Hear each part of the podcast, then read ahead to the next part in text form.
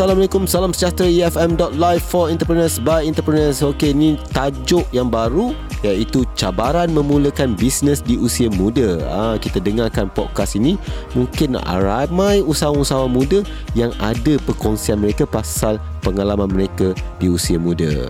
Okey, jom kita dengarkan apakah kupasan ataupun pengalaman mereka. Jom.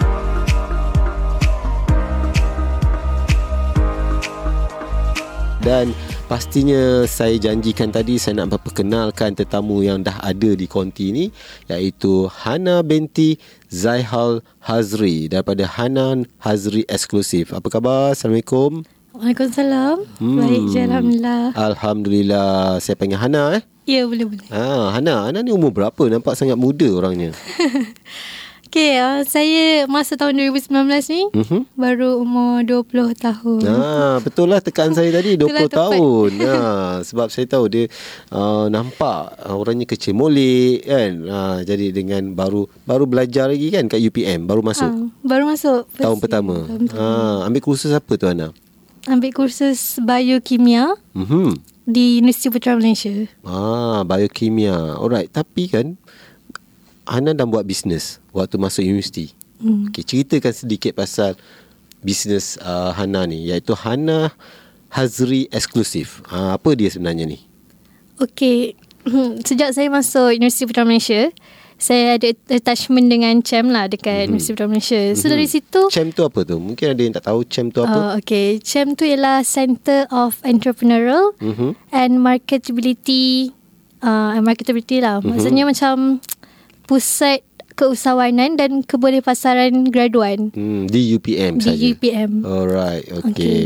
Lepas tu, ah, okay. Cerita lagi pasal bisnes. So, Hana. saya sebenarnya memang minat bisnes daripada dulu lagi, daripada sekolah menengah. Mm-hmm. Sebelum masuk uh, asasi, mm-hmm. saya mhm. memang buat bisnes juga jadi ejen je lah. Mm-hmm. Sebelum masuk degree, mm-hmm. saya tengok, oh, okay, ni one of peluang untuk saya. Mm-hmm. Satu alternatif mm-hmm. yang mana saya boleh mengeluarkan produk saya sendiri. Mm-hmm. Okay, jadi okay. dari situlah saya belajar semua and then oh, mm-hmm. buat uh, Hana Hazri eksklusif tu baru mm-hmm. je. Mm-hmm. Dan saya jual shirt extender. Mm-hmm. Apa tu? Okay, shirt extender tu sebenarnya mm-hmm. dia macam, okay, korang tahu kan, kadang-kadang mm-hmm. perempuan ni, perempuan ni dia selalu nak kadang-kadang dia nak berfashion mm-hmm. tapi kadang-kadang baju dia orang singkat lepas mm-hmm. tu ah ya yeah, kadang-kadang tak takut kena kecam ke cakap macam tu ha marah orang ya yeah, pakai pakaian pakaian yang singkat tu kadang-kadang uh-huh. orang buang je uh-huh. so saya rasa macam okay kat sini sebenarnya kita boleh jadikan problems ni mm-hmm. masalah-masalah ni sebagai satu solution mm-hmm. yang mana okay saya nampak ni adalah peluang bisnes mm-hmm. Dan uh, saya juga nampak kawan-kawan saya, mm-hmm. saya juga, mm-hmm. saya memang suka bersukan. Mm-hmm. Contoh macam badminton, berenang. Mm-hmm. So, kita boleh adakan satu uh, jenis pakaian. Mm-hmm. Uh, dia macam untuk menyelesaikan solution tu, at the mm-hmm. same time kita boleh berfashion. Mm. Uh, so, kita pakai benda tu untuk um, atasi masalah lah. Okay. faham, faham. Alright, okay. Jadi sebenarnya Hana Hazri eksklusif ni lebih kepada fashion, okay? Yeah. Pakaian wanita. Alright. Memulakan bisnes di usia muda ni, 20 tahun sangat muda. Kan? Kalau dulu-dulu Orang kalau setakat umur 20 tahun Masih sibuk belajar. Kau kena belajar Mak apa pernah cakap Kau jangan nak mengada-ngada Nak buat benda lain. Kau habiskan dulu belajar Lepas tu kau kerja kat orang ah, Baru kau boleh Nak buka bisnes ke Nak apa ke ah, Baru kau boleh fikirkan. Tapi sekarang ni ramai nak muda macam Hana sendiri Masih belajar uh, Dan juga uh, Apa ni Dalam masa yang sama uh, Buat bisnes Okay Saya nak tanya Hana lah kan Antara uh, Kewangan ataupun networking dan juga ilmu keusahawanan ni mana satu yang cabaran terbesar yang Hana hadapi? Okay, hmm, terima kasih untuk soalan tu. Hmm. Okay, susah saya... tak soalan tu? senang kan? Ah, senang je. Ha, exam lagi susah. Kan? ya, kita orang baru ha, je. Ni tak payah, tak payah, tak payah nak baca buku pun semua kan? ya. Okay, um, bagi saya lah sebagai seorang hmm. pelajar hmm. kan kena buat bisnes. Mm-hmm. Bagi saya antara cabaran yang paling paling mencabar adalah dari segi networking. Mm-hmm. Okay seperti apa yang Azizah suggestkan tadi antara jawapan dia Mhm. uh-huh. memang betul networking uh-huh. sebab kita masih lagi orang kata kalau ikutkan uh, guru saya lah uh-huh. di Mhm. CHAM tu uh-huh. kita ni ibarat ikan bilis. Mhm. ha kita Ikan ibarat ikan bilis bilis mahal tau sekarang. ya kita Ikan bilis mahal. mahal kan Pula tu yang kopik. Lagi mahal. betul Okay, lepas tu kalau syarikat-syarikat kalau tu dia ibarat dengan ikan jerung. ha, tapi, Tapi- orang tak makan ikan jerung. ikan jerung pun dah nak bubus. Ah, kan? Endangered species. okay. Tapi, Mhm. kenapa?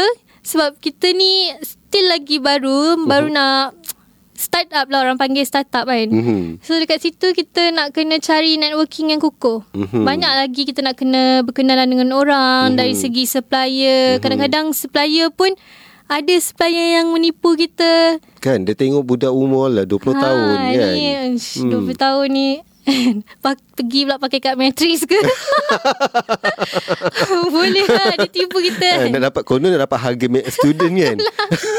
Tunjuklah kat metri. Tapi tak laku. Kena tipu lagi Silap strategi tu. So kat situ kita kena uh, pandai Macam mana kita nak adapt, uh, adapt benda tu Kita Mhm. nak atasi benda tu Sebab tu kita kena ada mentor Hmm. Ha, mentor, tu mentor. sebenarnya yang penting kan. Ya mentor tu sebenarnya penting Hmm. Kira Siapa mentor awak sekarang ni? Okay, mentor saya sebenarnya banyak lah. Mhm. Tengok Salah dari kita ni. Antaranya kalau uh, Azra Ariza kenal, Mhm. Zati Khalif. Hmm, Zeti yang jual coklat tu. Ah, ah. Ah, sedap coklat dia. Ya, tu antara mentor yang senang kata macam range umur tu dekat. Aha. So, kita boleh selalu berjumpa dengan dia. Kiranya satu language lah kan. Ya. Ah, dia pun masih muda lagi. Ya, masih muda lagi. Ah, okay, okay, Macam okay. tu lah. So, ramai lagi lah mentor saya yang lain. Mhm. Jadi, uh, apa-apa dia orang punya kesilapan tu dia orang akan beritahu kita. Mhm. Okay, jangan buat macam ni, jangan buat macam ni. Kalau buat macam ni, apa dia punya impact dia. Mhm. Jadi daripada situ kita belajar. Jadi kalau ada lubang banyak tu kita boleh elak lah kan. Ibarat dia macam jadi. Jadi uh, apa ni Hana sendiri isu yang penting sebenarnya networking kan. Hana punya cabaran terbesar lah networking. Dah tahu ada masalah networking tu. Kenapa nak berniaga juga? Ha, mesti ada sebab dia. Ah, cuba cerita kat kita orang. Kenapa sebenarnya nak juga berniaga? Mesti ada sebab dia kan. Okay, um, kalau ikutkan dari segi latar belakang family saya, Mhm. memang ayah saya pun seorang usahawan juga. Hmm, jadi adalah terikut-ikut Terikut-ikutlah darah tu dia menurun. menurun kan. Ah. dia inherit lah. Yes. Jin tu dia Jin inherit. ada kan. so saya belajar biokimia Hmm, hmm, sebut ayah sikit bio. apa? Okay, ayah saya dia um, kalau tahu jenama Al-Meswak Mukmin, Mhm. ah Mhm. tu ayah saya punya lah. Oh, okay. Hmm. Right. So jadi anaknya punya ciri-ciri seorang usahawan juga. Uh, Ah, InsyaAllah. Jadi kerana itu menyebabkan Hana rasa nak berniaga juga. Um, bukanlah itu dia Mhm. punya main dia Mhm. tapi saya rasakan Mhm. Okay, sekarang ni kalau kita tengok kan, bila ma- masa hadapan, Mhm. terutama masa kami nanti, bila kami bergraduat jadi seorang graduan, Mhm. peluang pekerjaan untuk kami ni sangat-sangat tipis. Mhm. Jadi kalau kita um, keluar daripada universiti nanti, Mhm. kan walau semua orang pun akan dapat result yang bagus. Betul. Jadi Sekarang apa yang- yang pandai-pandai kan? Ya, yang pandai-pandai tu ramai sangat. Ah. Jadi apa yang nak membezakan kita dengan orang lain? Mhm. Tu added value. Betul. Yang pertamanya sebab saya nakkan added value dalam diri saya. Mhm. Dan yang keduanya, kita tak nak jadi seorang yang job seeker. Mhm. Kalau boleh lah. Betul. Mhm. Kita nak jadi job creator. Mhm. Sebab kalau tengok memang um, unemployment youth Mhm. kan. Apa nama Melayu dia? Tak apa. okay, unemployment youth. Dah, uh, kau tengok daripada tahun 2016 ke tahun 2017, Mhm. ada peningkatan sebanyak 0.4%. Daripada 3.4% Mhm. ke 3.8%. Hmm. Ha, saya dah buat kajian ni. Wow. Ha, saya tengok. ada figure lagi. ha, saya kagum dengan kajian kajian tersebut sebab saya jarang dapat interview uh, rakan-rakan usahawan yang lain kan yang ada figure sampai tahap macam ni. uh, lepas ni ada statistik uh, apa rumah tangga semua. Okey, teruskan. Okay So uh, Bila kita tengok kat sini kan Memang um, Kita tak boleh nak mengharapkan lah Diri kita sebagai Dengan sebagai seorang pemilik degree kan mm-hmm. untuk keluar nanti kita Mesti boleh dapat, dapat kerja, kerja. kan sekurang-kurangnya bila dah ada bisnes mungkin lepas 3 tahun lepas keluar tiba-tiba bisnes tu memang meletup Ya. kan insyaallah dan InsyaAllah, pastinya Ana takkan bekerja dengan orang pasti teruskan bisnes Ha-ha. malah boleh memberi peluang pekerjaan lagi pada Ha-ha. orang lain alright sekarang ni nak buat pro- promosi pastinya tak susah sekarang ni pasti gunakan medium-medium Facebook, Instagram kan. Tapi macam mana Hana nak menjayakan marketing tu sebagai seorang usaha muda? Mungkin salah satu juga cabaran untuk Hana nak mempromosikan produk Hana kan. Sebab macam Hana tadi menyelesaikan satu masalah yang Hana rasa itu sebenarnya masalah. Mungkin pada orang lain bukan masalah. Okey, aku suka mm-hmm. okay, pakai macam ni kan. Pasal kau nak pula nak suruh aku pakai tutup lagi kan. Ah, right. Okey, macam mana tu? Hana nak market, nak beritahu orang. Konten tu kena betul. Okay. Um, yang pertamanya dari segi kita, kita tengok lah. Okay, kita kena uh, tukar sebenarnya persepsi bukanlah semata-mata untuk uh, trademark dia covering yang aura. Mhm. Tapi kita kena tengok Okay zaman sekarang tengoklah Dia punya um, remaja mm-hmm. Ataupun kita tengok market segmentation kita Mhm. Orang-orang di luar sana Dia sukakan fashion Alright. Jadi bila kita nak keluarkan satu design Mhm.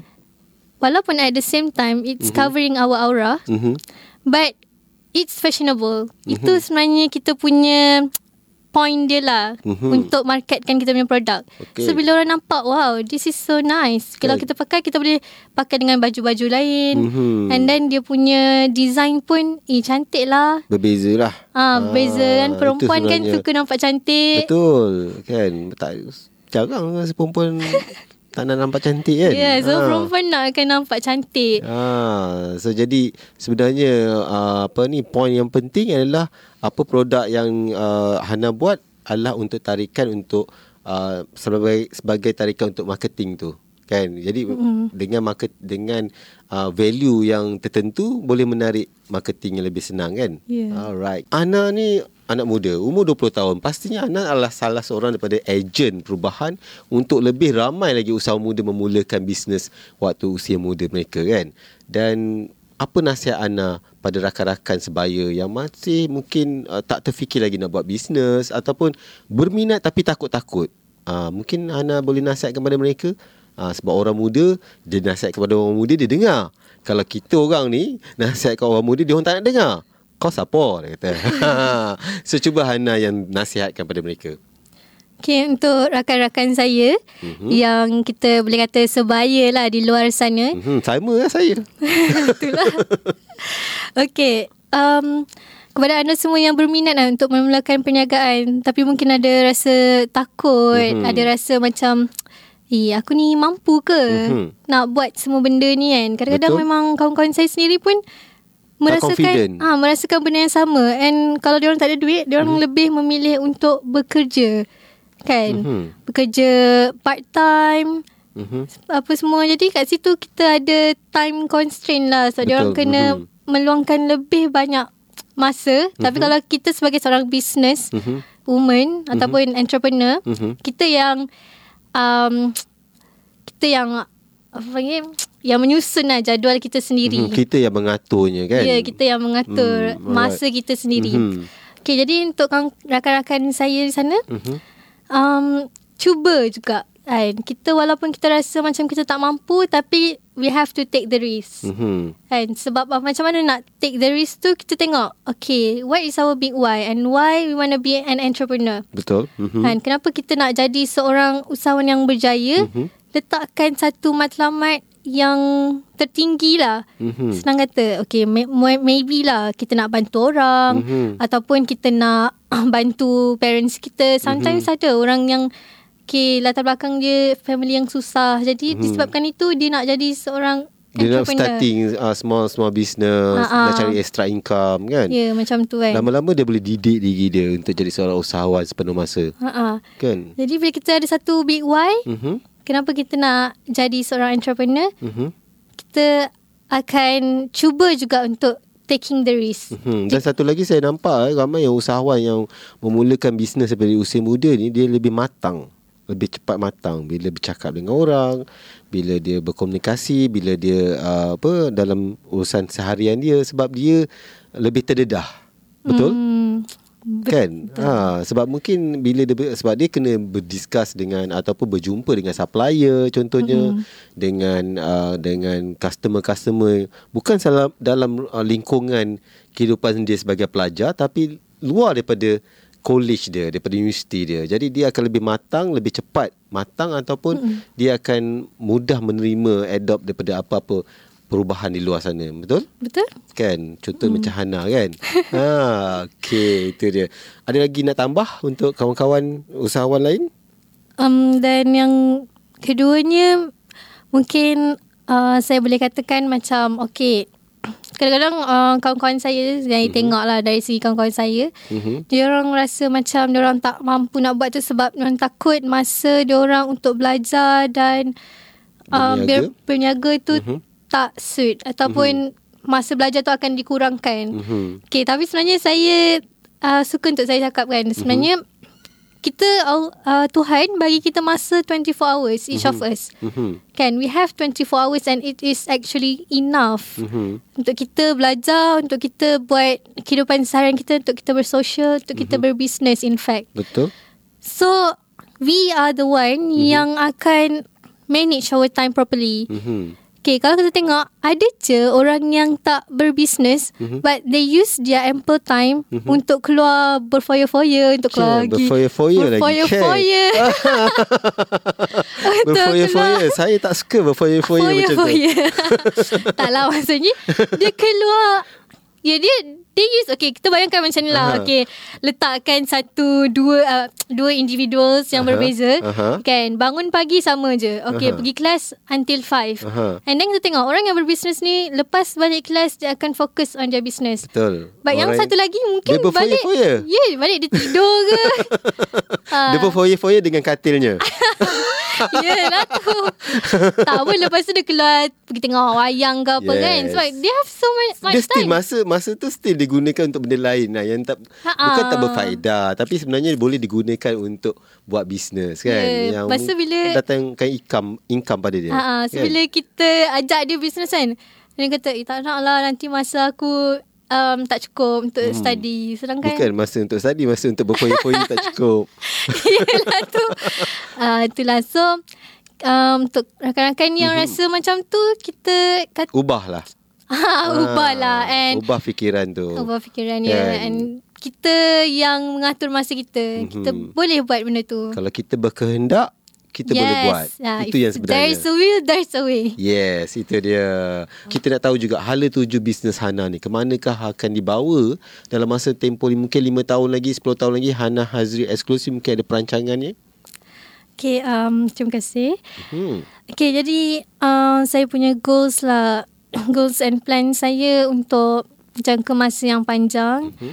Sekarang ni saya rasa saya nak buat mungkin satu app, apps lah, application hmm. yang mana um, orang boleh gunakan apps tu untuk designing. Mm-hmm. Okay, contoh dia orang nak apa? Dia orang nak buku, dia orang nak tote bag, dia orang mm-hmm. nak sweater. Mm-hmm. And then kita akan kumpulkan designer-designer sebab saya ni ada banyak sangat kawan-kawan yang artwork dia very hmm. very beautiful. Mm-hmm. Kan tapi dia orang tak tahu macam mana nak, nak market kan. Ha Kan. Dia orang just lukis for fun. Betul. Kan padahal mm-hmm. cantik sangat. So saya rasa macam okay kita boleh gunakan dia orang punya kepakaran ni mm-hmm. kan sebagai designers kita. Okay, it's cool. So ha itulah kan. saya punya macam goals yang ultimate goals lah mm-hmm. untuk perancangan masa hadapan. Mm-hmm. Mungkin for about three 3 mm-hmm. years ke ke hadapan. Mm-hmm. Okay, itulah saya punya ultimate goal. Tapi sekarang berniaga secara online kan? Ah. Tak ada plan nak buka butik ke ataupun kedai ke?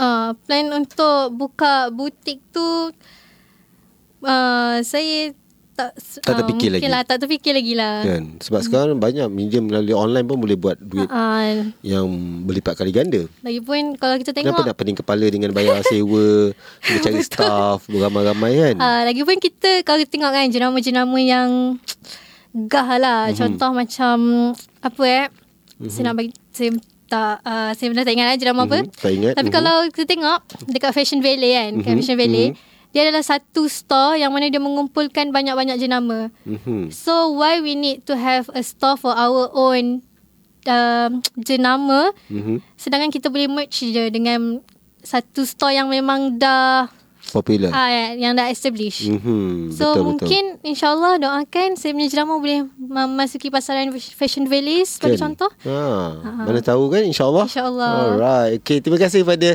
Hana atas perkongsian tersebut dan kita doakan supaya Hana Azri eksklusif ni dan juga diri Ana sendiri sukses dalam sama ada dalam pelajaran Amin. dan juga dalam perniagaannya insyaallah okay. tercapai segala impian beliau.